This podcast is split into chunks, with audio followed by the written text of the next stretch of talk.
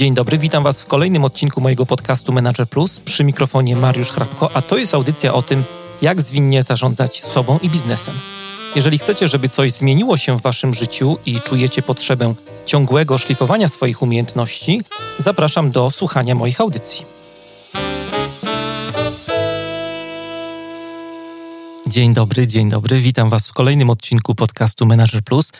E, to jest odcinek 115. Dzisiaj postanowiłem, że opowiem Wam trochę o roli Scrum Mastera, roli, która jest jedną z trzech ról e, występujących e, w Scrumie, metodzie, która jest chyba dzisiaj jedną z bardziej popularnych, zwinnych metod pracy zespołów. Zespołów, które pracują nad rozwojem określonych produktów. Opowiem Wam o sześciu podstawowych kapeluszach, które Scrum Master zakłada w swojej codziennej pracy, w zależności od tego, jakie są bieżące potrzeby i jaka jest konkretna sytuacja, z którą ma do czynienia. Dla kogo jest ten odcinek? Myślę, że ten odcinek e, docenią szczególnie osoby, które no, planują rozwijać się w roli Scrum Mastera, zaczynają swoją przygodę ze Scrumem, ale myślę też, że osoby, które mają już jako takie doświadczenie w pracy, w byciu Scrum Masterem, to też e, z tego odcinka dużo wyniosą, chociażby ze względu na to, że mogą sobie jakoś tak poukładać uporządkować raz jeszcze, poupychać w różnych szufladach różne tematy, które się wiążą z spełnieniem tej roli. Z kolei dla osób, które no, nie miały nic wspólnego nigdy ze Scrumem, to ten odcinek będzie na pewno też fajną inspiracją. Jeśli o mnie chodzi, to do myślenia o roli Scrum Mastera w kontekście właśnie różnych kapeluszy, który ten właśnie Scrum Master zakłada w swojej codziennej pracy, E, pracy z zespołem czy z organizacją, bo to są te dwa poziomy, które ta rola jakby obsługuje. To kilka lat temu zainspirował mnie bardzo mocno Barry Overeem, który napisał mm, znakomity artykuł, taki tekst e, Eight Stances of Scrum Master, czyli można by tak luźno przetłumaczyć jakby osiem odsłon, osiem twarzy Scrum Mastera. No i link do tego artykułu znajdziecie w materiałach do dzisiejszego odcinka. Myślę, że to będzie takie fajne też rozszerzenie uzupełnienie tego, o czym dzisiaj będę Wam tutaj opowiadał. Pamiętam, że ja po raz pierwszy zrozumiałem, na czym polega w ogóle rola Scrum Mastera, kiedy byłem na szkoleniu u Kena Schwabera, jednego z twórców tej e, metody. Był rok 2008. Ken był i wciąż jest e, skramową legendą. Myślę, że gdyby był rockmanem, to na pewno trafiłby do słynnej Rock and Roll Hall of Fame. E, dla mnie Ken był o tyle ważny, że w zasadzie jego książka Agile Software Development with Scrum była dla mnie i zespołu, z którym pracowałem wtedy, w ogóle na początku e, mojej przygody ze Scrumem, to był rok gdzieś 2004, była to taka Biblia, taka książeczka, z której e, no, wszyscy się uczyliśmy, czytaliśmy niektóre fragmenty po kilka razy, zastanawialiśmy się, jak można ten czy inny pomysł zastosować w naszym zespole. E, to był bardzo fajny czas. To był taki czas, kiedy w zasadzie mm, poza tą książką Kena nie było wielu informacji na temat Scrama, nie było certyfikacji, nie było Scrum Guide'ów, nie było mm, dwóch kościołów, Scrum.org i Scrum e, Alliance, które rozwijają e, tę metodę. Dużo korzystaliśmy z empiryzmu wtedy, po prostu nauczyliśmy się na błędach. To było niesamowite, bo mm, jakby patrzyliśmy na to, jak ta metoda działa, co ta metoda z nami, z naszym zespołem robi. E, no i cały czas jakby um, uczyliśmy się na nowo sposobu naszej pracy, poprawialiśmy, korygowaliśmy go, no bo nie było innej opcji. Był rok, tak jak wspominałem, 2004. E, Ten ruch e, Agile dopiero się rozwijał, rozkręcał. Minęło zaledwie 3 lata od powstania manifestu zwinności, który pojawił się w roku 2001. Scrum nie był wtedy jeszcze tak e, bardzo popularny, jak e, jest dzisiaj. No i w takim oto kontekście mniej więcej wybrałem się do Szwecji na szkolenie, które prowadził wspomniany Ken Schwaber. Pamiętam, że na tym szkoleniu panowała trochę taka no, magiczna atmosfera. Przyjechało sporo osób z różnych e, zakątków Europy. Byli Niemcy, Włosi, Szwedzi, Anglicy, no i jeden Polak. Każdy z nas chciał się jakoś podzielić swoimi doświadczeniami, zapytać y, o radę, o jakąś wskazówkę, no czy po prostu pogadać o rzeczach, które nie działały w jego zespole, w jego firmie. No i podczas szkolenia, szczególnie taki jeden moment utkwił mi dość mocno w pamięci. To był moment certyfikacji. Certyfikacji oczywiście w cudzym słowie, bo wtedy nie było żadnych egzaminów e, na Scrum Mastera. I ten moment certyfikacji na szkoleniu polegał na tym, że trzeba było podejść do Kena no i obdarzyć go takim solidnym, serdecznym uściskiem i, uwaga, głośno zaszczekać mu do ucha. Łuf, łuf. E, szczekali wszyscy po angielsku prawie. Cały ten e, obrzęd wyglądał bardzo komicznie. No, kiedy przyszła moja kolej, powiedziałem, że zaszczekam, ale zaszczekam po polsku. No i Ken zamiast łuf, łuf usłyszał hał, hał. E, dlaczego wam o tym opowiadam? Bo jakby ta metafora tego psa, tutaj mówimy o konkretnym psiaku, o psie pasterskim, E, ta metafora przewijała się e, przez całe dwa dni tego szkolenia. Ken bardzo często nawiązywał i posługiwał się tą analogią e, Scrum Mastera jako takiego psa pasterskiego. W naszym kontekście moglibyśmy powiedzieć owczarka podhalańskiego, który stoi właśnie na straży owiec, który czuwa, żeby podczas wypasu nie podkradały się różne wilki, niedźwiedzie czy zwykli jacyś okoliczni rabusie. Ważnym zadaniem psów pasterskich jest również e, pomoc przy pędzeniu owiec z pochali w kierunku, który właśnie wyznacza pasterz. To jest taka w ogóle przedziwna cecha psów pasterskich. Ja się tym kiedyś mocno interesowałem, jak pisałem książkę o skramie. W ogóle sobie wymyśliłem, żeby właśnie cały rozdział mm, e, poświęcić tej analogii i czytałem różne artykuły na temat psów pasterskich. No te psy są bardzo dobrymi stróżami faktycznie i takimi dzielnymi obrońcami owiec, stada. Ale co jest właśnie ciekawe, to że czują się pewnie, kiedy właśnie e, w pobliżu owiec e, są, kiedy kręcą się wokół pasterza, wokół stada, bo jak same mają do czynienia jakimś takim niebezpieczeństwem, to są raczej, raczej ostrożne. Mm, genialna analogia, genialne porównanie, które bardzo dobrze oddaje istotę pracy e, Scrum Mastera. Scrum Master ma bronić zespół przed różnego rodzaju zagrożeniami, które przychodzą z zewnątrz, jest stróżem stada, jest stróżem zespołu, e, czuwa nad tym, żeby owce mogły całymi dniami zajadać się smaczną zieloną trawą. Bardzo piękny, taki sugestywny obraz. E, no dobrze, to tyle myślenia z wnętrza metafory, jakby powiedział ksiądz Tischner. Teraz już zajmiemy się e, konkretnymi kapeluszami, które w swojej codziennej pracy Scrum Master zakłada w zależności od tego, jakie są aktualne potrzeby, jaka jest konkretna sytuacja. Ja zebrałem tych kapeluszy w sumie sześć i zaczniemy od kapelusza, który jest taki e, no najbardziej podstawowy. Kapelusz strażnika procesu. To jest y, taka baza, jeśli chodzi o rolę Scrum Mastera. Podstawowy kapelusz, który Scrum Master w swojej codziennej pracy zakłada. E, Scrum Master jako strażnik procesu dba o to, żeby Scrum był prawidłowo rozumiany i stosowany zarówno w zespole, jak i e, w całej organizacji. Ja już e, wcześniej o tym mówiłem, że ta rola to nie jest rola tylko i wyłącznie związana z zespołem. Niektórzy tak bardzo ograniczają e, właśnie rolę Scrum Mastera jako osoby, która pracuje tylko i wyłącznie z zespołem, a tutaj będziemy o tym jeszcze dzisiaj mówić. Jest to też rola, która ma dużo do zrobienia, jeśli chodzi o właśnie stosowanie Scrama, rozumienie Scrama, E, na poziomie także całej organizacji, a więc nie tylko ten jeden konkretny zespół.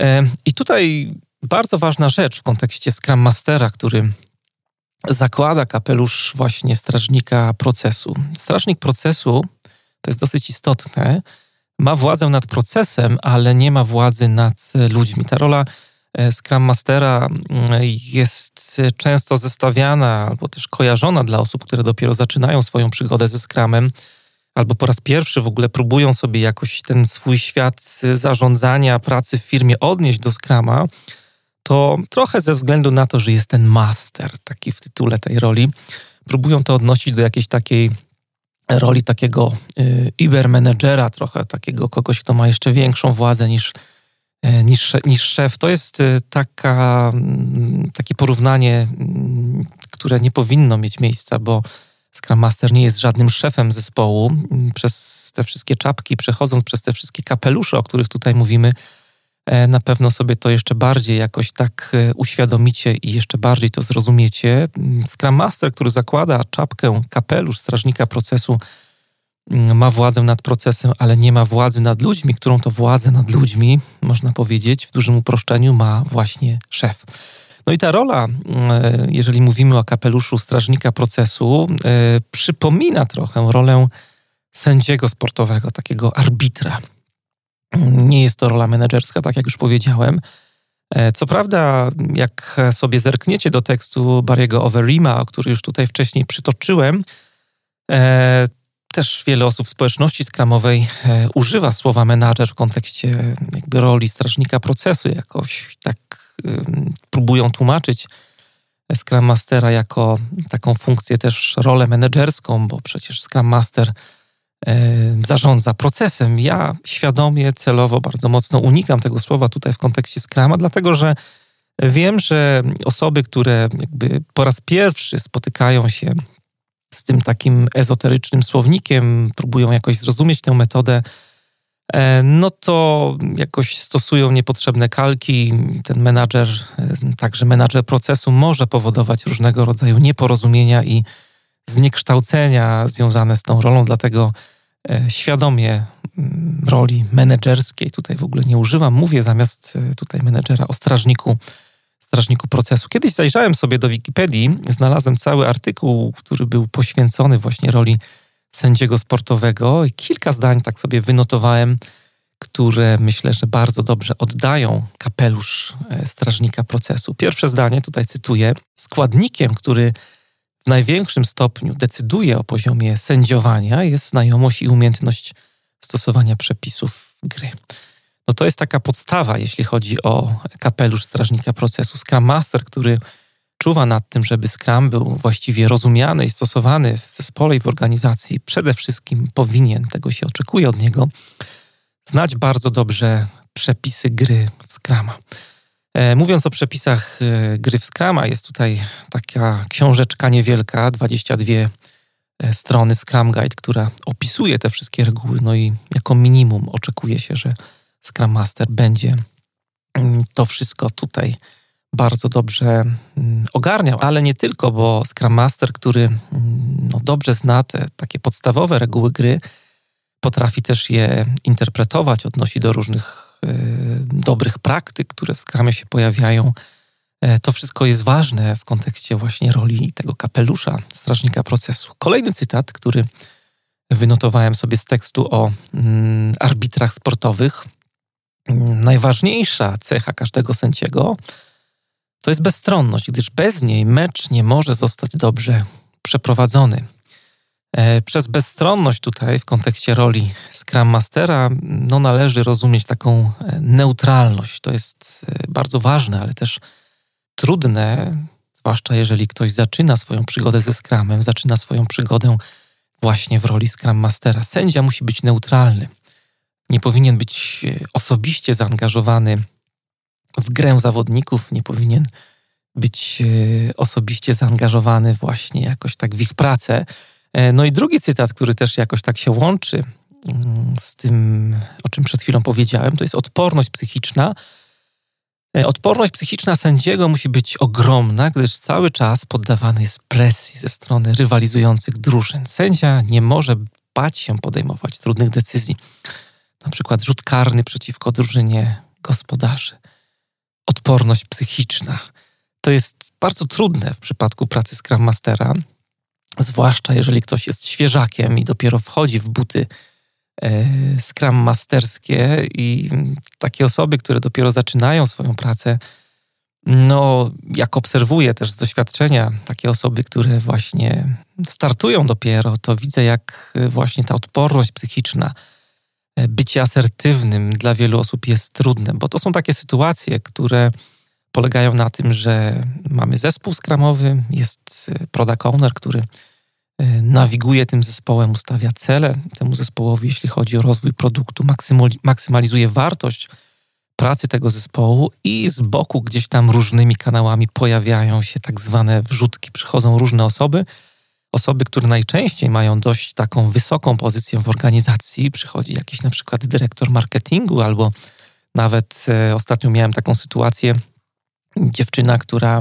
właśnie uczyła się, wchodziła w rolę Scrum Mastera, opowiadała o trudnych sytuacjach związanych właśnie z przeszkadzajkami, z różnymi wrzutkami, które przychodziły bezpośrednio właśnie od osoby, która pracowała w zarządzie firmy, bo była to firma rodzinna, więc y, zarząd dość mocno, jak to w tego typu sytuacjach jest, ingerował w pracę y, jej zespołów. No są to rzeczy niezwykle trudne i potrzeba trochę przepracować właśnie sobie te wszystkie sytuacje, nie tylko w głowie, ale też e, na przykład z, z jakimiś takimi na przykład zewnętrznymi trenerami albo z innymi Scrum Masterami w organizacji, żeby taką postawę właśnie mm, asertywną sobie wypracować, kreować i tę odporność psychiczną cały czas e, budować.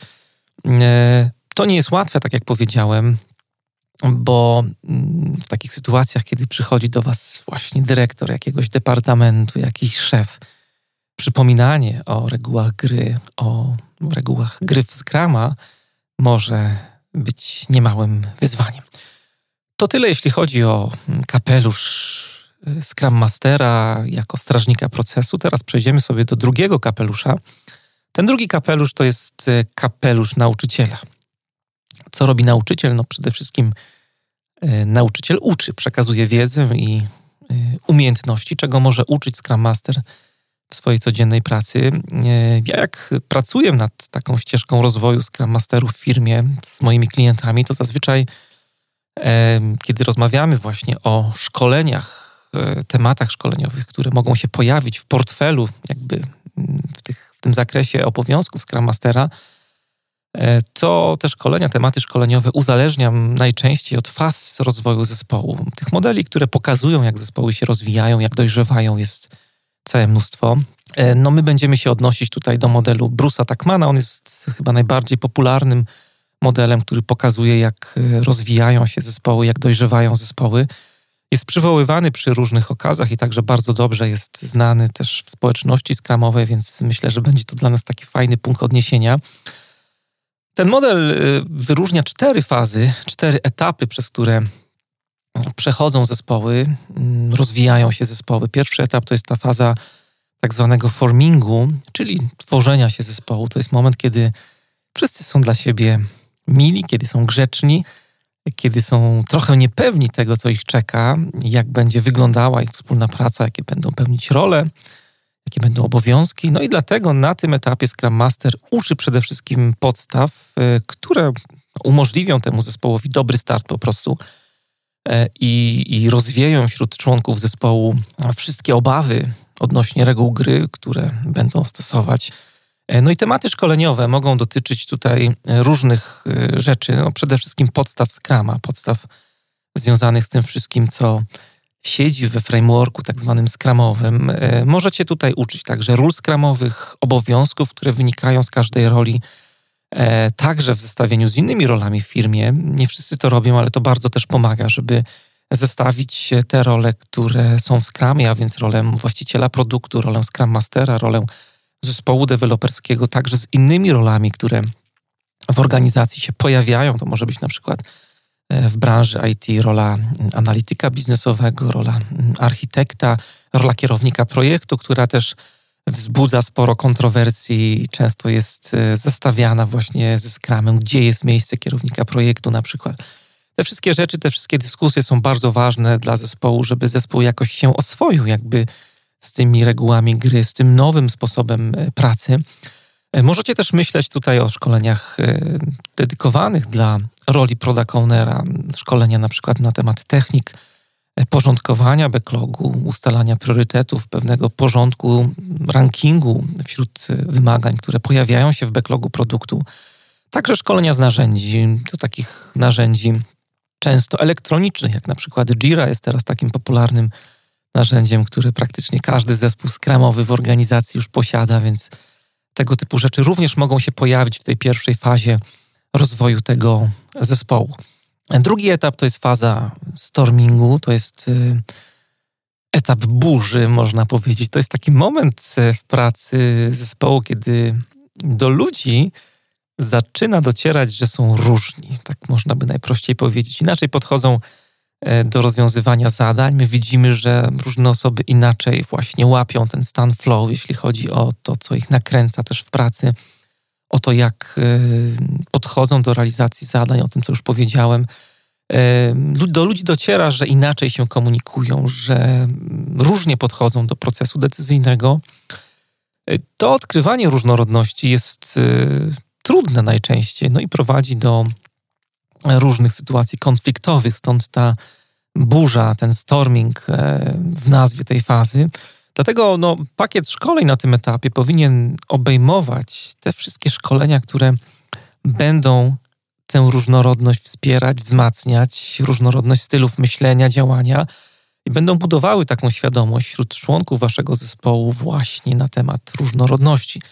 Czego może Scrum Master na tym etapie mm, rozwoju zespołu uczyć? No przede wszystkim wszystkie szkolenia, które poprawiają czy wzmacniają umiejętności komunikacyjne. Komunikacja bez przemocy jest taki bardzo popularny temat właśnie wśród szkoleń zespołów skramowych. Tematy dotyczące zarządzania e, sytuacjami konfliktowymi, mm, nie tyle właśnie pokazujące, czym jest konflikt, to też jest oczywiście ważne, ale jak sobie z tym konfliktem radzić, pokazywanie, że ten konflikt też ma wymiar pozytywny w zespole, że konflikt jest czymś dobrym, że każdy z nas inaczej też reaguje w sytuacjach konfliktowych. Tutaj można sobie przepracować te sytuacje, nawet pracując na różnego rodzaju case'ach, symulacjach, żeby zespół tak e, bardzo mocno poczuł e, temat konfliktu, jak podejść do niego, jak go rozwiązywać, tego typu rzeczy.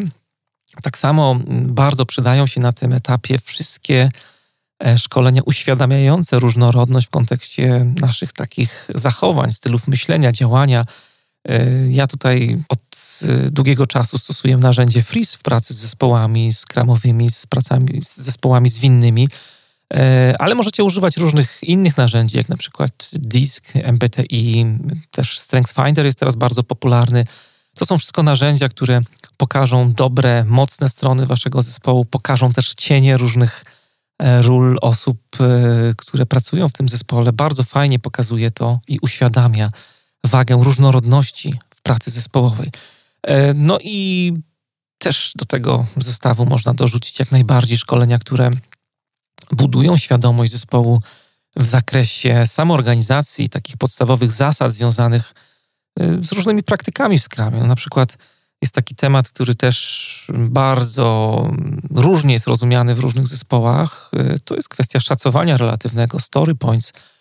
E, te wszystkie rzeczy jakby odnośnie już konkretnych praktyk, konkretnych sposobów implementacji Scrama w zespole też mogą mieć bardzo dużą wagę na tym etapie stormingowym.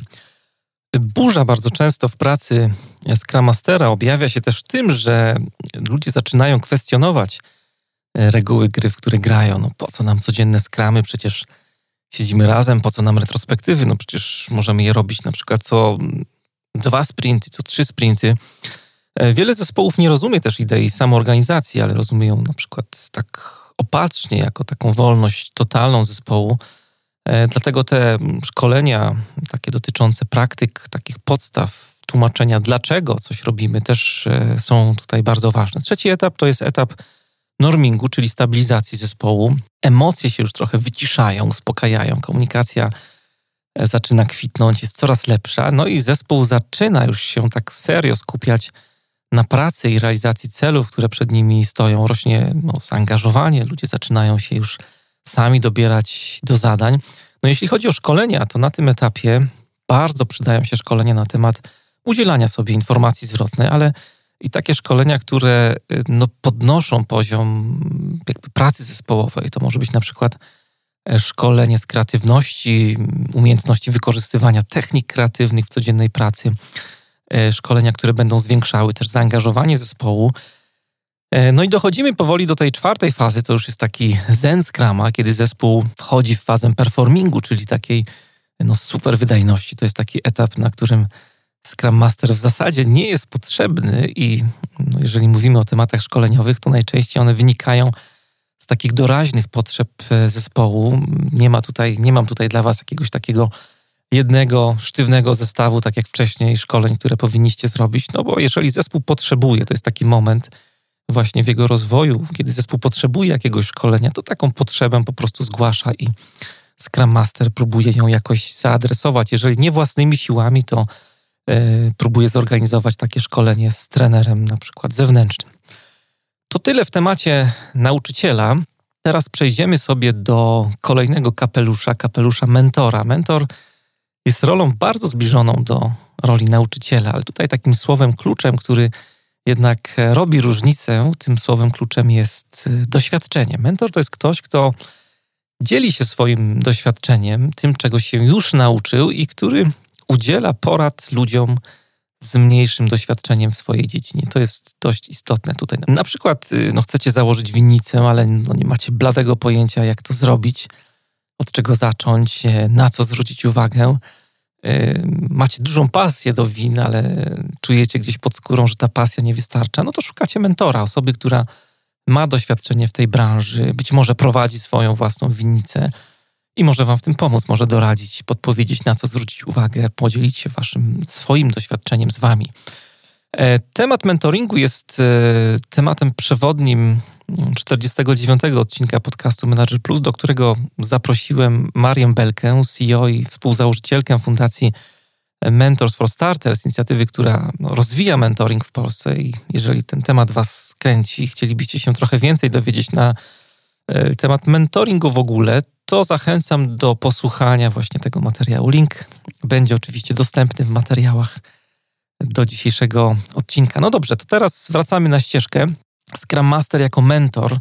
E, ten kapelusz, y, tak jak już mówiłem wcześniej, wiąże się z pewnym doświadczeniem w pracy. Tutaj mówimy o doświadczeniu w pracy z zespołem skramowym, e, czy z organizacjami, które wdrażają zwinność, które wdrażają zwinne metody pracy. Im większe to doświadczenie będzie, tym lepiej. Scrum Master, mm, mentor jest ogromnie wartościowy dla zespołu. Może niektóre procesy dzięki właśnie temu swojemu doświadczeniu e, skrócić, przyspieszyć, czasami postawić jakieś fajne wyzwanie przed zespołem, wiedząc, że się da, bo gdzieś tam w innych zespołach z pewnymi e, podejściami eksperymentował.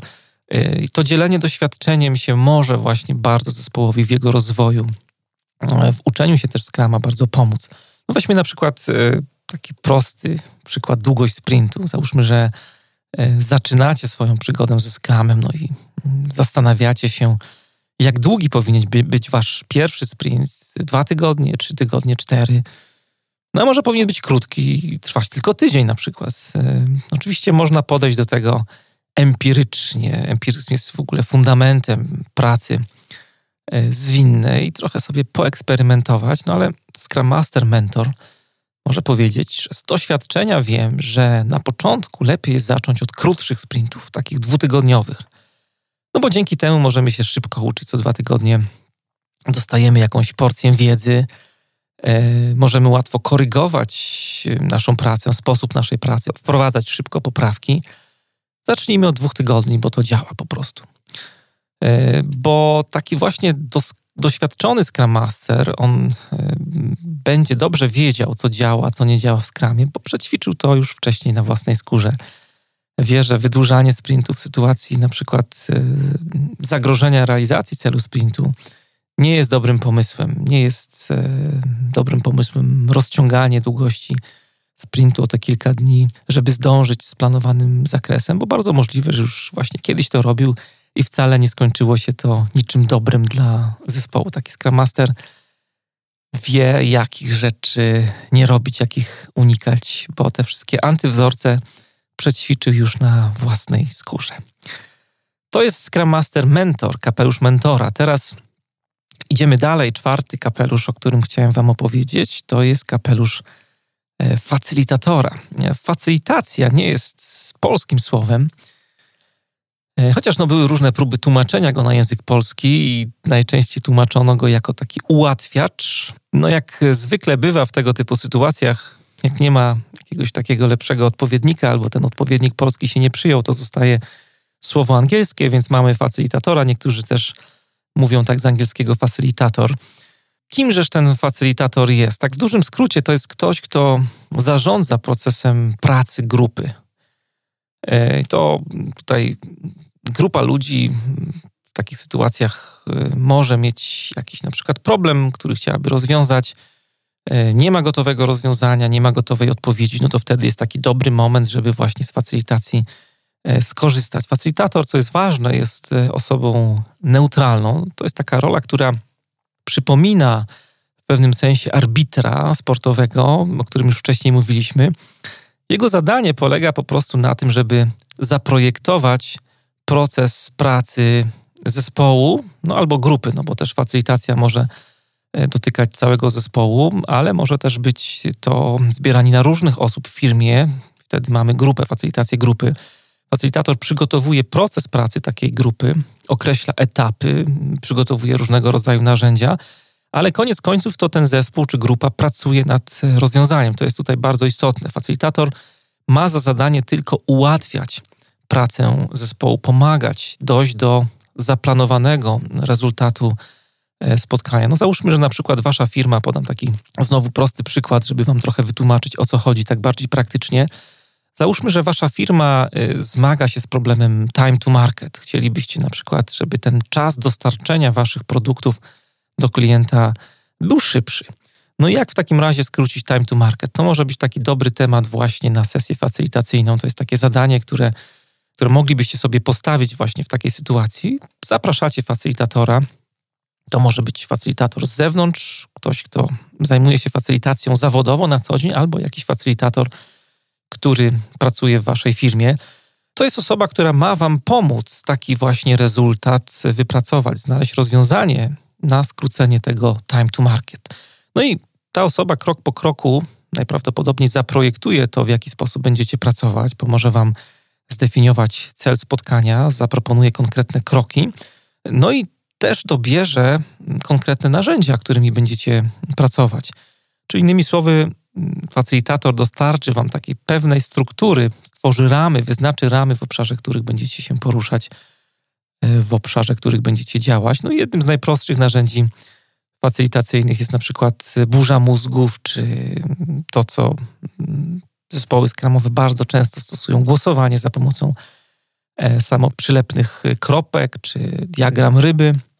No wiele innych narzędzi, które jak słyszycie pewnie gdzieś tam się w waszej pracy codziennej pojawiły. Jeżeli jesteście zainteresowani tematem facylitacji, chcielibyście ten temat sobie trochę rozszerzyć, pogłębić, to odsyłam was do 39 odcinka mojego podcastu, w którym e, gościem była Jolanta Marszewska, specka od facylitacji, także mm, współautorka książki Facylitacja, wiedza, umiejętności, sztuka czy magia. Ta książka tutaj, nie będę ukrywał, jest dosyć trudną lekturą, ale na pewno jej zaletą jest zbiór różnego rodzaju narzędzi facylitacyjnych, które tam możecie znaleźć. Natomiast jeżeli szukacie coś takiego e, prostszego, to moją ulubioną książką na temat facylitacji, takim ulubionym podręcznikiem, z którego e, dużo korzystam. No niestety mm, chyba tylko w wersji anglojęzycznej ta książka jest dostępna. Jej tytuł to The Skilled Facilitator Field Book. E, podtytuł brzmi Tips, Tools and Tested Methods for Consultants, Facilitators, Managers, Trainers and Coaches – Zbiór narzędzi, zbiór różnych podpowiadaczy, e, takich sprawdzonych metod dla różnych coachów, trenerów, menedżerów i facylitatorów. Bardzo dużo fajnych e, rzeczy. No, kompleksowa, kompleksowa rzecz e, dla Scrum Masterów, bardzo przydatny na pewno podręcznik facylitacji. Bardzo Wam polecam. Autorów jest kilku. Główni to Roger Schwartz i Ann Davidson. Umieszczę oczywiście link do tego materiału, podobnie jak do e, książki o Asi w materiałach do dzisiejszego odcinka. E, dobrze, co robi taki Scrum Master Facilitator? Tutaj e, są jakby dwa obszary działań, gdzie ten Scrum Master może wykorzystać swoje umiejętności facilitacyjne.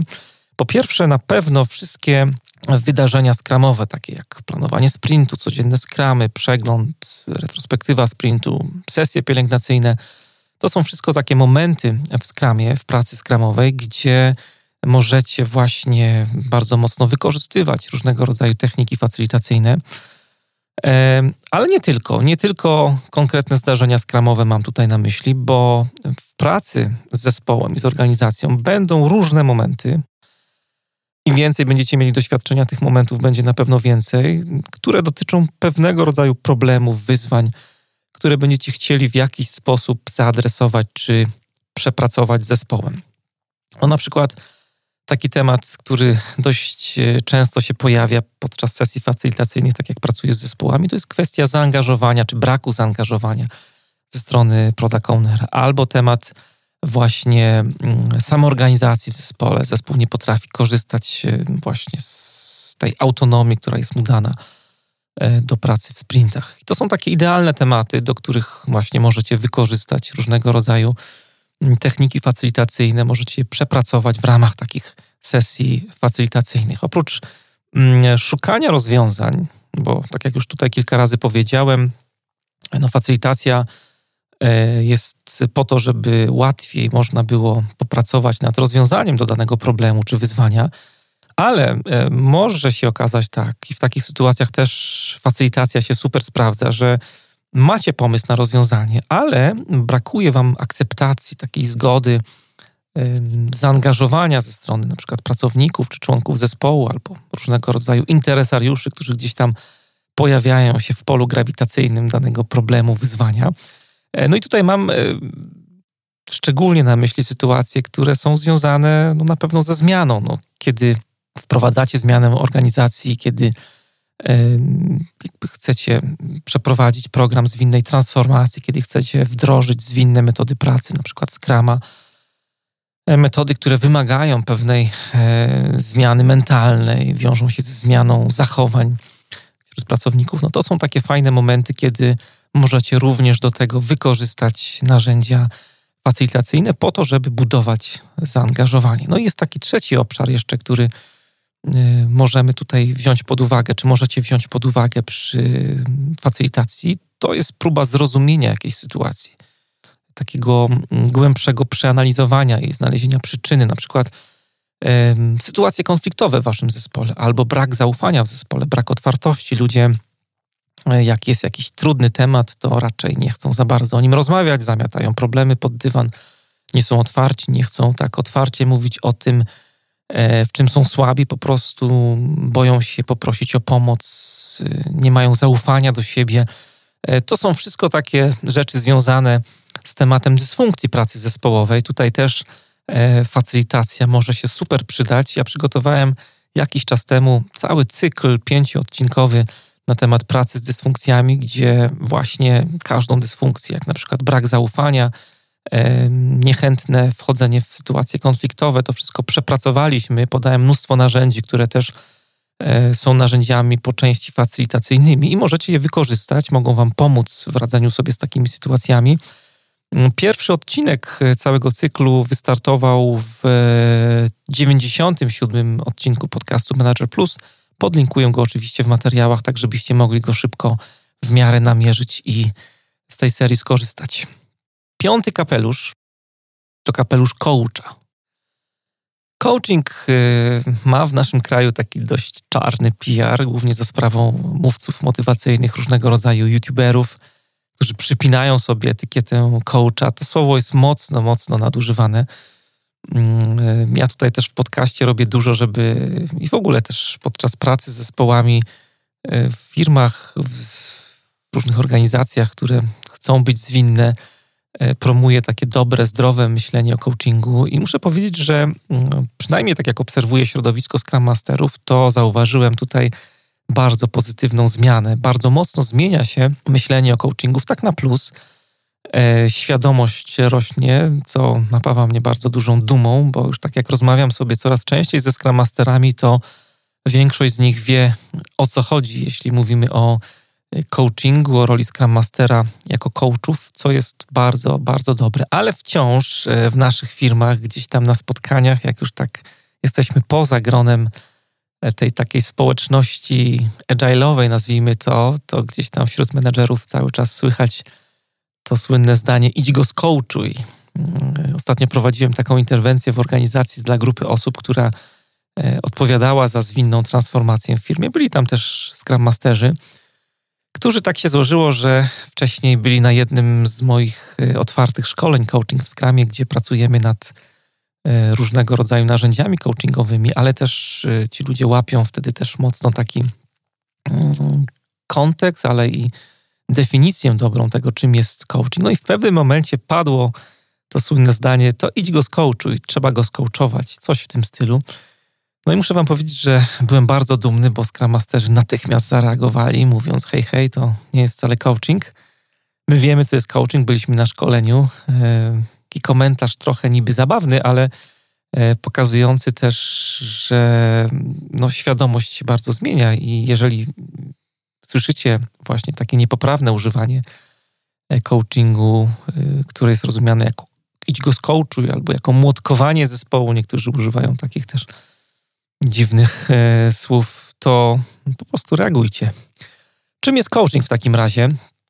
Zacytuję tutaj pierwsze w zasadzie zdanie z mojego ulubionego podręcznika coachingu, którego autorką jest Carol Wilson, coaching biznesowy. Y, tak się nazywa ta książka, jest bardzo dobre tłumaczenie tej książki na język polski. I ta definicja coachingu brzmi następująco: Coaching jest procesem, dzięki któremu człowiek odnajduje i wdraża rozwiązania najbardziej zgodne z jego światopoglądem i adekwatne dla niego samego.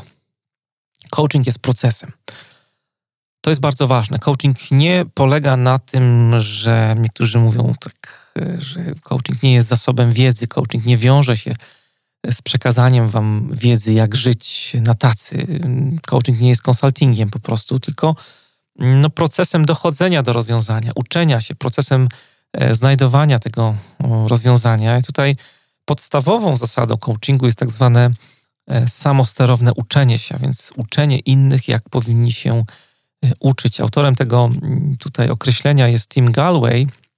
Tu od razu Wam polecę jego książkę Wewnętrzna gra tenis, która jest przetłumaczona na język polski również. Tim Galway w latach 70. był kapitanem drużyny tenisowej na Uniwersytecie Harvarda i odkrył w pewnym momencie, jak pracował z uczniami, że no, jego uczniowie odnoszą dużo większe sukcesy, jeżeli zamiast opowiadać im o tych technikach różnych technikach odbijania piłki, różnych trikach, pokazuje się im, jak się mają uczyć. Uświadomił sobie, że takim największym rywalem zawodnika jest w zasadzie on sam, jego psychika, a nie zawodnik ten, który jest tam gdzieś po drugiej stronie siatki. E, coaching w ogóle, tak patrząc, nie będę wam tutaj robił żadnego takiego dużego rysu historycznego, ale warto wiedzieć, że e, ma swoje korzenie w sporcie. Dużo takich technik, chociażby wizualizacja, praca z idealizacją tych takich sytuacji idealnych, e, marzeń, e, które są gdzieś tam w naszych głowach. To są wszystko rzeczy, które pochodzą właśnie ze sportu. E, Tim Galway, e, Sir John Whitmore też jest taką osobą, która też przecież on był kierowcą rajdowym, który też bardzo dużo przyczynił się do rozwoju coachingu. No to są wszystko takie korzenia mocno E, mocno sportowe. I tak wracając trochę na ścieżkę właśnie tego, co robi coach, to coach przede wszystkim pracuje zadając odpowiednie pytania. To jest takie podstawowe narzędzie coacha. Pytania, które nie są zamknięte, pytania, które nie sugerują odpowiedzi, pytania, które nie są oceniające, to też jest ważne, ale są to pytania przede wszystkim otwarte, pytania, które no, pozwalają się skupić osobie mm, właśnie na swoim wnętrzu, na swoim życiu, na tym, jak się zachowuje, jak pracuje, jak myśli, jak działa. Osobie, która jest właśnie coachowana. Mm, na odpowiedziach, które w zasadzie każdy gdzieś tam z nas ma, ale no z różnych powodów, z powodu braku czasu na przykład, z jakiegoś takiego zwariowanego tempa życia, któremu ulegamy, z powodów różnego rodzaju przeszkadzajek, Facebook, kanały społecznościowe, może nawet trudnych takich życiowych sytuacji, e, z różnych właśnie tego typu powodów zostały przyćmione, przywalone stertą naszych takich codziennych spraw, tej codziennej bieżączki tak zwanej, no, która nam przysłania właściwy ogląd sytuacji. Coaching jest procesem, tak jak powiedziałem, i zadaniem coacha jest wspieranie procesu samokształcenia się tej osoby, która z coachingu chce skorzystać. No i w tym kontekście tutaj mm, tych rzeczy, które Wam opowiadam, tematy coachingowe, cele coachingowe osób coachowanych dotyczą przede wszystkim spraw związanych z naszym indywidualnym rozwojem, spraw, które dotyczą naszej jakiejś tam przyszłości.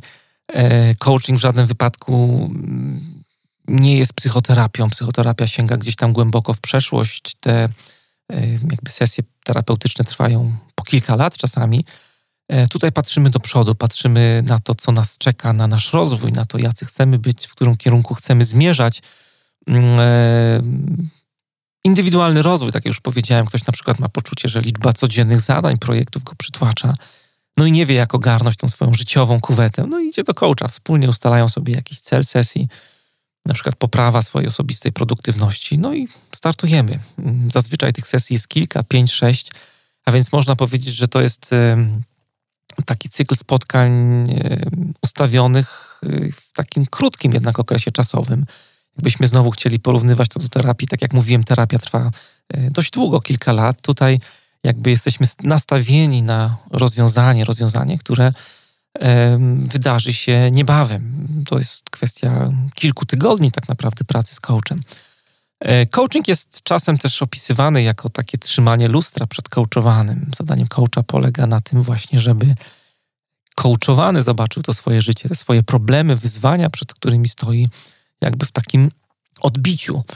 E, dobry coach będzie pytał, dobry coach będzie słuchał. Umiejętność słuchania jest tutaj bardzo ważna. Też w materiałach podlinkuję Wam taki stary już podcast, który kiedyś nagrałem na temat e, umiejętności słuchania, na temat poziomów słuchania, które każdy lider powinien znać. E, dobry coach będzie kierował uwagę coachowanego jakby do środka, do wnętrza no po to, żeby ten coachowany zobaczył, jak ten jego świat wygląda. Czy on jest dobrze poukładany, czy nie. Czy może tam coś trzeba pozmieniać, poprzestawiać, tak jak trochę w takim mieszkaniu. Może tam czegoś brakuje, jakiegoś mebla, może są jakieś luki. Coaching jest y, sztuką myślenia, tak bym też powiedział. Pamiętam takie zdanie, które przypisywane jest Sokratesowi. Sokrates, starożytny filozof, na dobrą sprawę był pierwszym coachem, można powiedzieć. On Mawiał, nikogo niczego nie nauczę, ale mogę jedynie sprawić, żeby myślał. Coaching jest sztuką właśnie e, myślenia. Coaching e, jest takim procesem, który ma to myślenie generować e, u osoby coachowanej.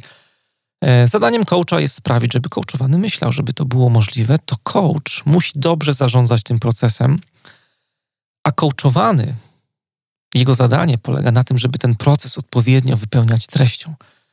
Jeżeli coach da się wciągnąć w te treści, bo go jakoś tam e, zainteresują te historyjki, które opowiada e, coachowany i ten coach będzie pytał, zadawał pytania, które będą jakby zaspokajać jego ciekawość, no to niczym jakiś taki super bohater straci swoje moce, stanie się bezużyteczny dla coachowanego, dlatego że ta neutralność jest tutaj bardzo ważna w całym tym procesie i to zachowanie neutralności jest ogromnie trudne. Widzicie, że te wszystkie rzeczy, te kapelusze tutaj, o których wam mówi, mówiłem, począwszy od kapelusza e, jakby strażnika procesu, kapelusza facylitatora, e, dotykają tematu neutralności, takiego nieangażowania się jakby w te wszystkie historie, biografie mm, osób coachowanych. E, jest trudne na pierwszy właśnie taki start, kiedy ktoś zaczyna swoją pracę i to podkreślam po raz kolejny, szczególnie właśnie w coachingu. Ja od trzech lat wspólnie z Olą, która jest zawodowym coachem, prowadzimy takie dwudniowe szkolenie dla Scrum Masterów, którzy właśnie chcą się uczyć technik coachingowych. I podczas różnych ćwiczeń, które tam e, ci ludzie wykonują, później są na koniec dnia bardzo zmęczeni. E, widzą, jak trudno jest wyjść właśnie z tej roli takiego konsultanta, takiego doradzacza. Bo e, właśnie bardzo często na początku tych różnych symulacji słyszę, jak zaczynają od takich pytań, E, które wynikają z ich ciekawości, takie, takich pytań ciekawskich. Pamiętajcie, że dobry coaching to jest taki coaching, który jest pożyteczny, ciekawy przede wszystkim dla coachowanego, a e, nie taki coaching, który zaspokaja nasze e, osobiste mm, ciekawości, które zaspokaja ciekawość coacha.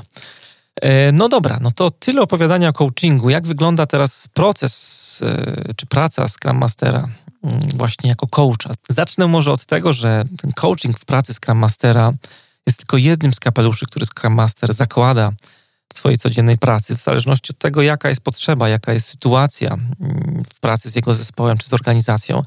Tutaj trzeba dość mocno powiedzieć, że jakby praca Scrum Mastera nigdy nie będzie taką pracą typowego coacha. Pamiętajcie o tym, żeby nie przegiąć z tym coachingiem, bo ja wam tutaj ładnie opowiadam o tym, czym ten coaching jest. Ktoś się może e, zarazić e, jakby całą ideą i wprowadzić. Kiedyś miałem taką osobę na szkoleniu właśnie na coachingu w Scrumie. Osoba, która wymyśliła, że zaraz po szkoleniu e, nawet będzie planować te sesje coachingowe w ramach backlogu sprintu. Były takie pomysły, że na przykład w czwartek od 14 do 16 E, Scrum Master będzie dostępny dla zespołu i będzie świadczył usługi coachingowe, brzydko mówiąc.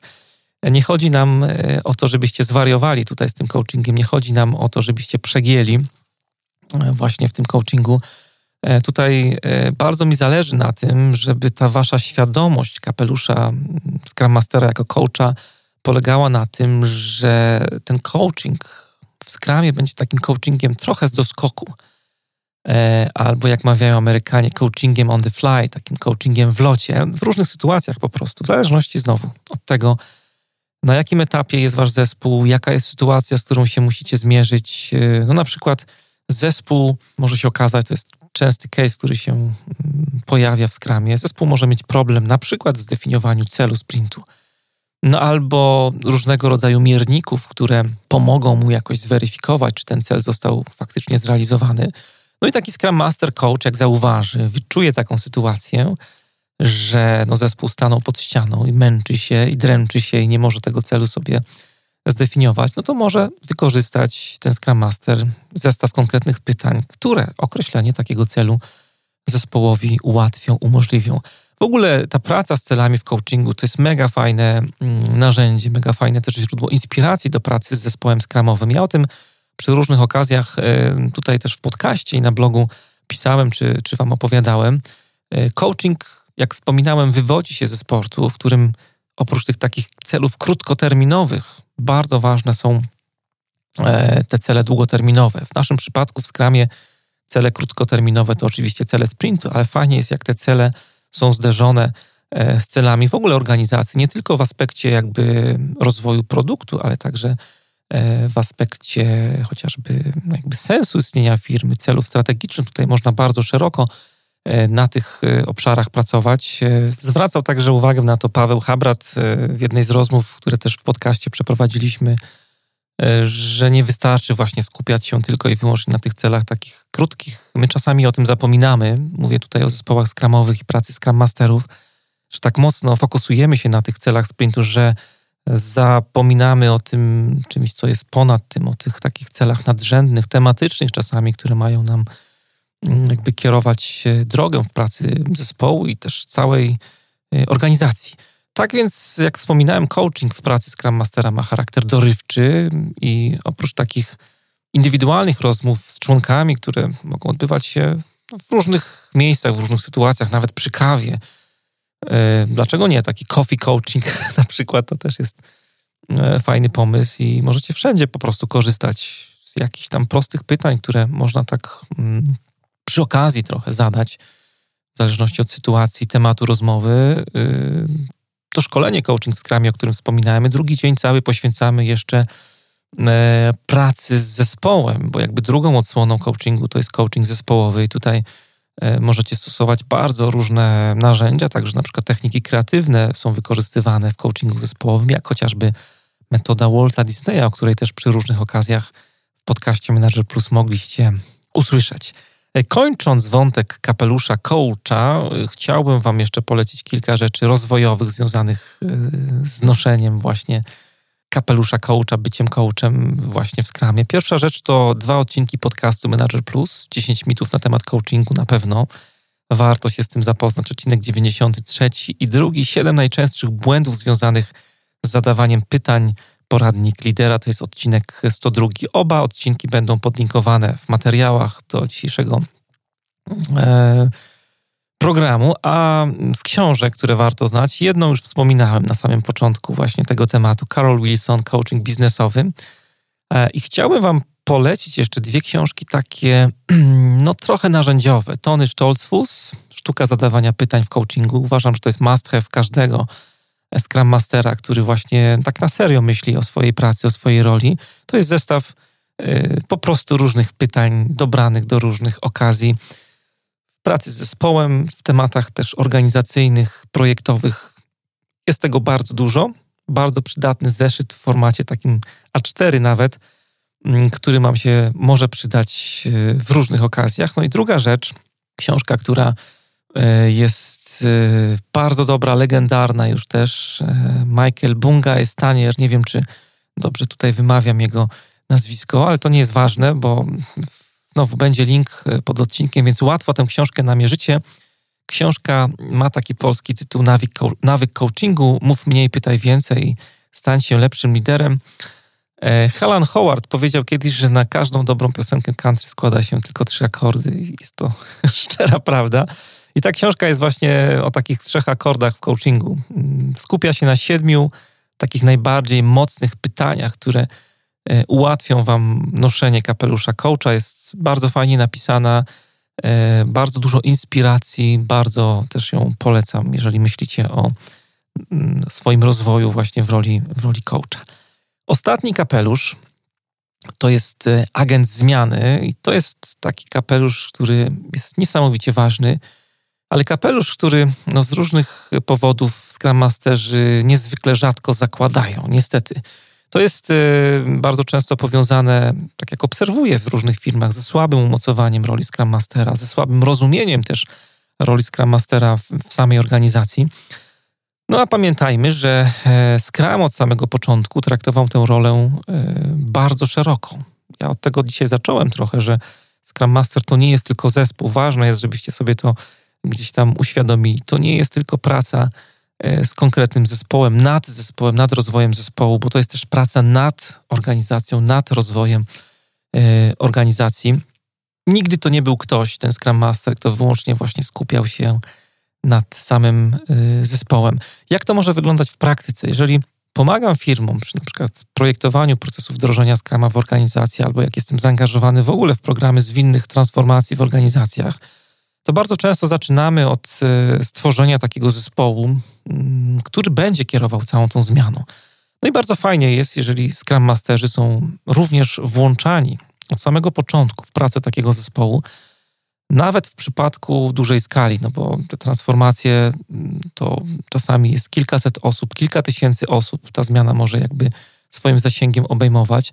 Nawet wtedy powinniście myśleć o tym, żeby Scrum Masterzy byli na pokładzie, jeżeli nie wszyscy to reprezentanci, albo e, nawet e, właśnie w kontekście skali spotykam się czasem z taką sytuacją, że Scrum Masterzy są angażowani na zasadzie grup roboczych, e, takich grup, które jakby pracują nad adres zaadresowaniem danego tematu, zrealizowaniem danego tematu, czy chociażby w formie takiej wewnętrznej społeczności, takiej gildii Scrum Masterów, e, na której są przepracowywane również te tematy związane z całą organizacją, z transformacją organizacji, tego typu rzeczy. Tutaj obecność, właśnie włączanie Scrum Masterów w tego typu działania jest naprawdę e, nieocenione. Bardzo Was zachęcam do tego. Nie patrzcie na Scrum Masterów jak na jakichś takich juniorów nieokrzesanych, którzy nie mają pojęcia, nawet jeżeli oni dopiero zaczynają swoją pracę. E, dla nich e, będą takie spotkania bardzo korzystne, ale i dla Was będą korzystne, bo Scrum Masterzy przyniosą Wam na tacy E, mnóstwo różnych ciekawych pomysłów, które pojawiają się na retrospektywach. Ludzie, zespoły na tych retrospektywach na koniec sprintu mówią nie tylko o tematach, które dotyczą stricte ich sposobów pracy, ale bardzo często wychodzą poza to, co się dzieje w ich zespole, e, wyłapują takie tematy, które no, sięgają tematów międzyzespołowych, ale także tematów, które powinny być adresowane na poziomie całej organizacji. To tyle, jeśli chodzi o e, agenta zmiany. W zasadzie przeszliśmy przez wszystkie kapelusze, które mm, chciałem Wam dzisiaj zaprezentować. Jest ich sześć. E, I co jest ważne akurat przy myśleniu o tych kapeluszach, przy jakby myśleniu o tym właśnie rozwijaniu się w konkretnych e, kierunkach, o których tutaj powiedzieliśmy sobie, ważne jest to, że te kapelusze, tak jak już kilka razy tutaj podkreślałem, pasują do konkretnej okazji, pasują do konkretnej e, sytuacji, kiedy no, pracuję ze Scrum Masterami. Bardzo często używam tutaj takiej analogii znowu do koncepcji przywództwa sytuacyjnego. To jest taki pomysł, za którym stoi dwóch panów, Ken Blanchard i Paul Hersey. Pomysł, który e, sięga jakby końcówki lat 60., on był rozwijany, jest rozwijany na różne sposoby. Jeżeli chcecie więcej poczytać na ten temat, na temat tej koncepcji, to polecam flagową książkę w tym zakresie, jednominutowy menadżer. Bardzo przyjemna, krótka lektura, która Wam pokaże tak bardzo naocznie, o co w tym modelu chodzi. E, ten model zakłada w dużym skrócie, że nie istnieje coś takiego jak jeden uniwersalny styl przywództwa, który no, sprawdzałby się w każdych warunkach, dlatego mm, styl przywództwa trzeba dostosowywać do konkretnej sytuacji, w którą jesteście jakby w cudzym słowie uwikłani z pracownikiem, e, z członkiem zespołu i bardzo podobnie jest tutaj z kapeluszami Scrum Mastera. No, w zależności od tego, na jakim etapie rozwoju znajduje się wasz zespół, e, w zależności od tego, na jakim etapie rozwoju znajduje się wasza organizacja, to Scrum Master będzie zakładał po prostu inny kapelusz. Mm, e, cały trik polega na tym tutaj, żeby ten Scrum Master jakby wiedział, był świadomy, kiedy jaki kapelusz e, pasuje, z jakiego kapelusza korzystamy w danym momencie, żebyście się nie zafiksowali tylko na jednej umiejętności, jak na przykład na byciu coachem i nie biegali po firmie, tak jak też mi się zdarzyło kiedyś. Miałem taką ciekawą rozmowę w, u jednego z klientów. Też osoba była na szkoleniu coaching w Scrumie, o którym wam już tutaj dzisiaj opowiadałem i jakoś tak e, trochę no, nieudolnie zaczęła wdrażać koncepcję coachingu i biegała po firmie i wszystkich pytała, jak się czujesz, jak był jakiś temat do przegadania, jak się czujesz, albo w skali od 1 do 10 powiedz mi, E, jak bardzo ci się na przykład nie chce, albo jak bardzo y, jesteś niezadowolona z danej sytuacji, czyli stosowała takie narzędzia coachingowe, ale trochę sztucznie. To też a propos coachingu jest bardzo ważne, żebyście do tego stopnia, do takiego stopnia opanowali ten cały warsztat, żeby robić to naturalnie. E, też uczymy tego właśnie na szkoleniu coaching w Scrumie, żeby y, ta sztuczność się nie pojawiała, bo jak się będzie pojawiać sztuczność, to automatycznie ludzie E, tutaj jakoś e, niechętnie będą wchodzić, podążać za wami, niechętnie będą jakby wypełniać treścią ten proces coachingowy. Pamiętajcie o tym, żeby te kapelusze zmieniać, żeby w zależności od okazji je dostosowywać. Ken Blanchard, ten człowiek, który stoi jakby za, za koncepcją tego mm, przywództwa sytuacyjnego, on tłumaczył ten swój model E, w taki sposób e, bardzo prosty. Posługiwał się przykładem dziecka, które uczy jazdy, się jazdy na rowerze. E, I na początku dziecko jest tak mm, mocno podekscytowane mm, tym, że no, będzie jeździło na rowerze, próbuje jeździć na rowerze i czasami nawet z tego wrażenia nie może wieczorem zasnąć, mimo że jeszcze no, dobrze nie wie, jak się na tym rowerze poruszać. I to jest taki moment, kiedy właśnie dziecko potrzebuje E, dużo instrukcji. W zespole skramowym, który znajduje się właśnie w tej początkowej fazie swojego rozwoju, w fazie tworzenia, w fazie stormingu, tej burzy, o której mówiliśmy, tutaj szczególnie przydaje się Scrum Master, który e, będzie potrafił założyć kapelusz strażnika procesu albo mm, nauczyciela.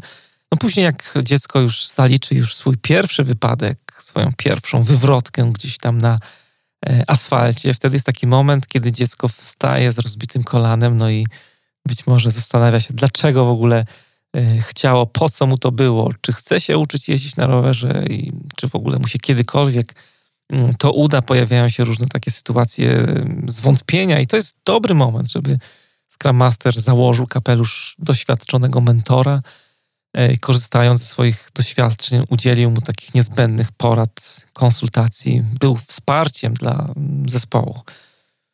Kolejny kapelusz e, facylitator, kapelusz facylitatora wiąże się z sytuacją, kiedy dziecko umie jeździć na rowerze, ale cały czas robi to pod e, no, czujnym okiem rodziców, mamy czy taty.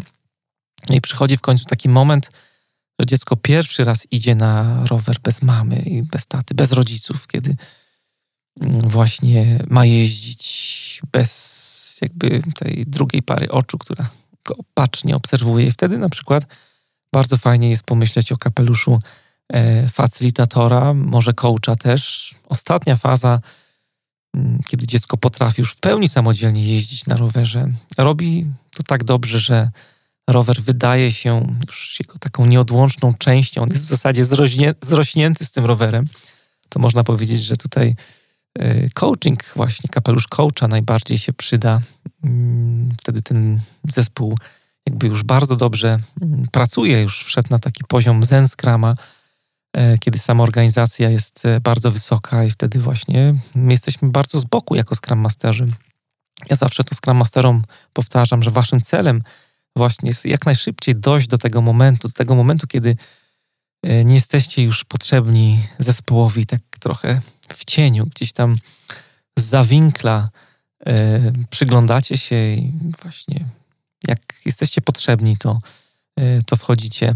E, ja pamiętam kilkanaście lat temu, jak startowałem w ogóle ze Scrumem i oswajałem się z zespołem, który, którego byłem częścią, e, z tematem samoorganizacji, w ogóle korzystania z wolności, która była nam dana na potrzeby właśnie pracy w zespołach skramowych, to podchodziłem bardzo tak ideologicznie, trochę naiwnie do samoorganizacji. Wydawało mi się, że no jak już będziemy mieć władzę, jak y, będziemy autonomiczni, jak nam nikt nie będzie przydzielał zadań, no to przecież będziemy mm, taką prawdziwą rakietą lecieć w kosmos. Y, a tu się okazuje, po latach e, zobaczyłem właśnie, że to jest proces, że jakby korzystanie z wolności, uczenie się z wolności, e, uczenie się takiej przedsiębiorczości właśnie w sprintach dla wielu osób jest trudne i wymaga pracy. Wymaga pracy, do której właśnie potrzebny jest E, Scrum Master, który zakłada różne kapelusze.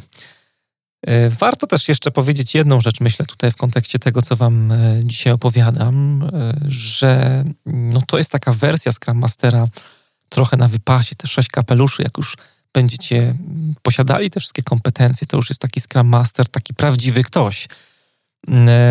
To jest taki ktoś, kto na pewno ma prawdziwą moc dla organizacji, może bardzo dużo takiej wartości dodanej wnieść do organizacji, do zespołu.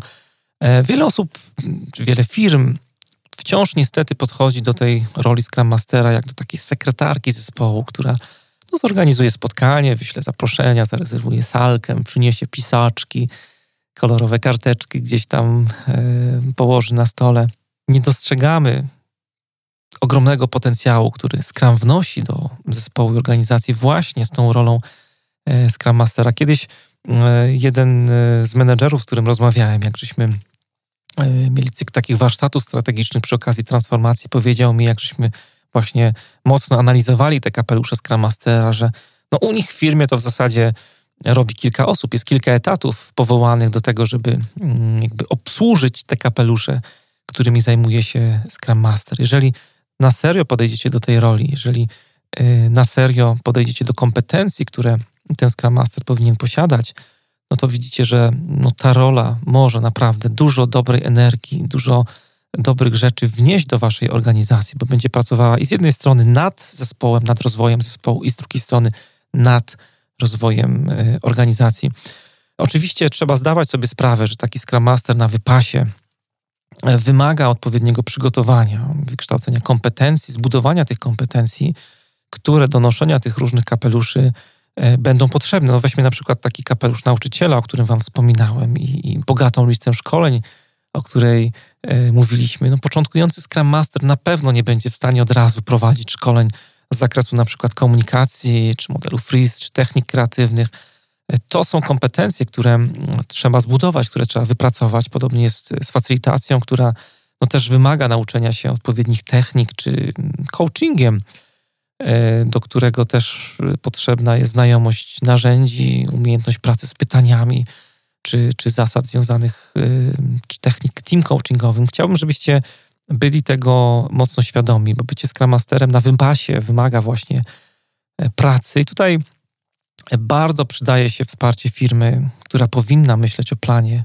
rozwojowym związanym z tą rolą. Po prostu taki program e, jakby pracy nad rolą Scrum Mastera w organizacji e, powinien powstać. E, jeden z naszych takich ostatnich projektów, w którym byliśmy zaangażowani, polegał na wdrożeniu Scrum Masterów w firmie właśnie w rolę tej, tego jednego kapelusza, w rolę nauczyciela. Firma bardzo świadomie podchodziła do jakby całej ścieżki rozwoju Scrum Mastera i przez kilka miesięcy dość intensywnie pracowaliśmy e, nad tym, żeby zbudować taką kompetencję Scrum Mastera, który będzie nauczycielem zespołu i nauczycielem organizacji, e, który będzie potrafił właśnie dostarczyć zespołowi szkolenia w zależności od konkretnej fazy jego rozwoju. I to jest przykład wsparcia e, właśnie w obszarze jednego kapelusza. Ola, która pracowała wtedy ze Scrum Masterami, spotykała się na regularnych takich sesjach, gdzie kilka osób budowało kompetencje trenerskie, budowało też konkretne programy szkoleniowe związane z konkretną fazą rozwoju zespołu. Powstał taki bardzo fajny pakiet szkoleń, które już później są realizowane przez Scrum Masterów w zespołach, czy też dla nowych osób, które przychodzą e, do firmy. To jest przykład jednej kompetencji. E, możecie tutaj pomyśleć też o pracowaniu nad e, kompetencjami w innych obszarach. Kapelusze mogą Wam też posłużyć jako taka checklista, właśnie związana z rozwojem, z budowaniem ścieżki rozwoju Scrum Masterów. To jest też bardzo fajna checklista dla osób, które dopiero myślą o tej roli ja dostaję sporo maili od e, osób, które chcą się przekwalifikować, przebranżowić, pytają o to, jakie kompetencje są potrzebne, w jakich kierunkach się rozwijać. No macie dzisiaj gotową checklistę, e, z której warto skorzystać, która pokazuje wam, jak zbudować siebie w roli Scrum Mastera, który będzie wspierał zespół i organizację właśnie w Scrumie.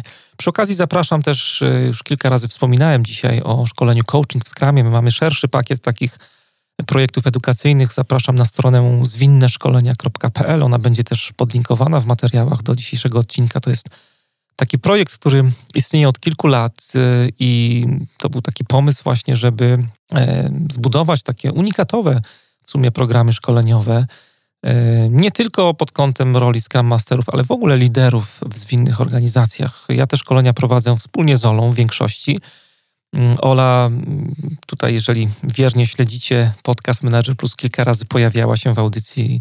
Ona ma taki fajny rys psychologiczny, też doświadczenia psychologiczne, coachingowe, e, więc bardzo fajnie uzupełnia te programy i te projekty, które tutaj dla Was e, realizujemy. Jest kilka szkoleń, jakby nie ma ich dużo. Łatwo jest wybrać.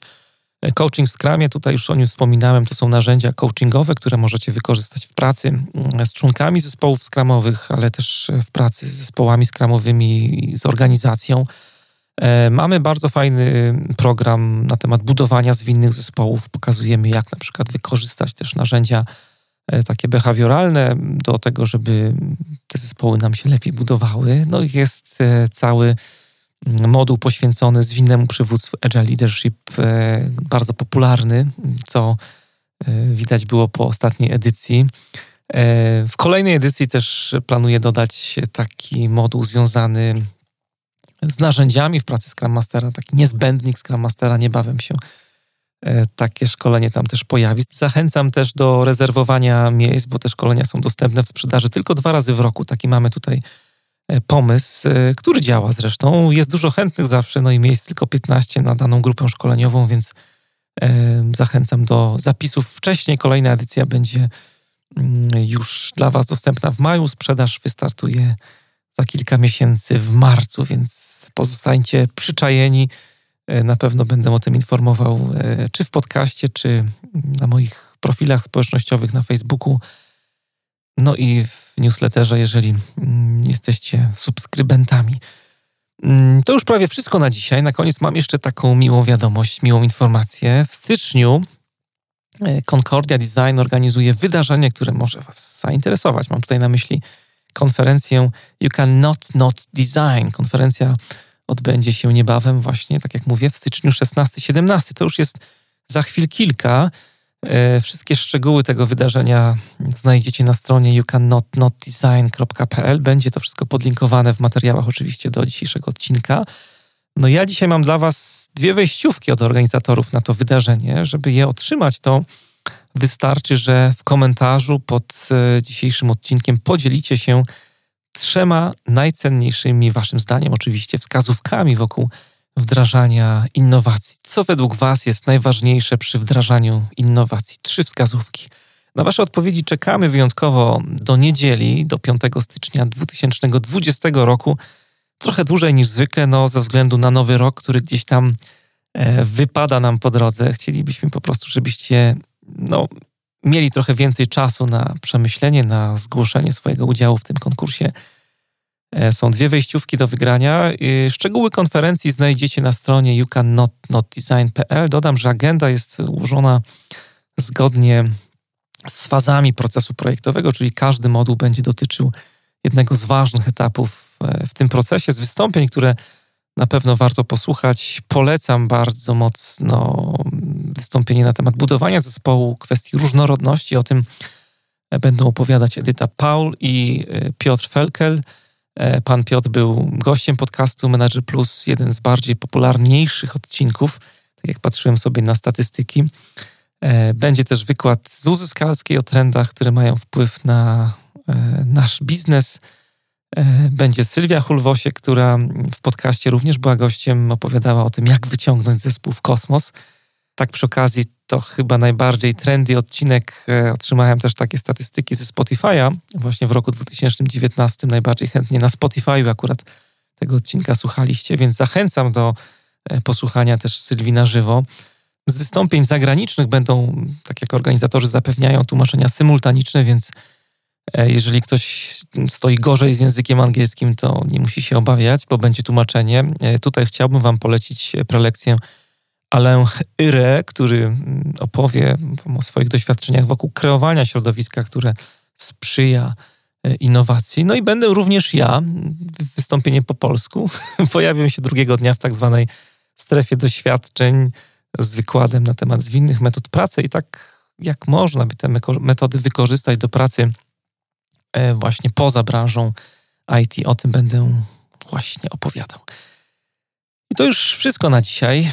Notatki do dzisiejszej audycji są na stronie mariuszchrapko.com. Tam możecie złapać te wszystkie linki, o których dzisiaj Wam e, opowiadałem. A jeżeli podoba Wam się ten podcast, to mam do Was tradycyjnie wielką prośbę, jak zwykle w każdym odcinku Was o to proszę. W wpisie do audycji zamieściłem link do podcastu Manager Plus w iTunes, gdzie możecie zostawić swoją sympatyczną ocenę w formie gwiazdek albo krótkiej recenzji.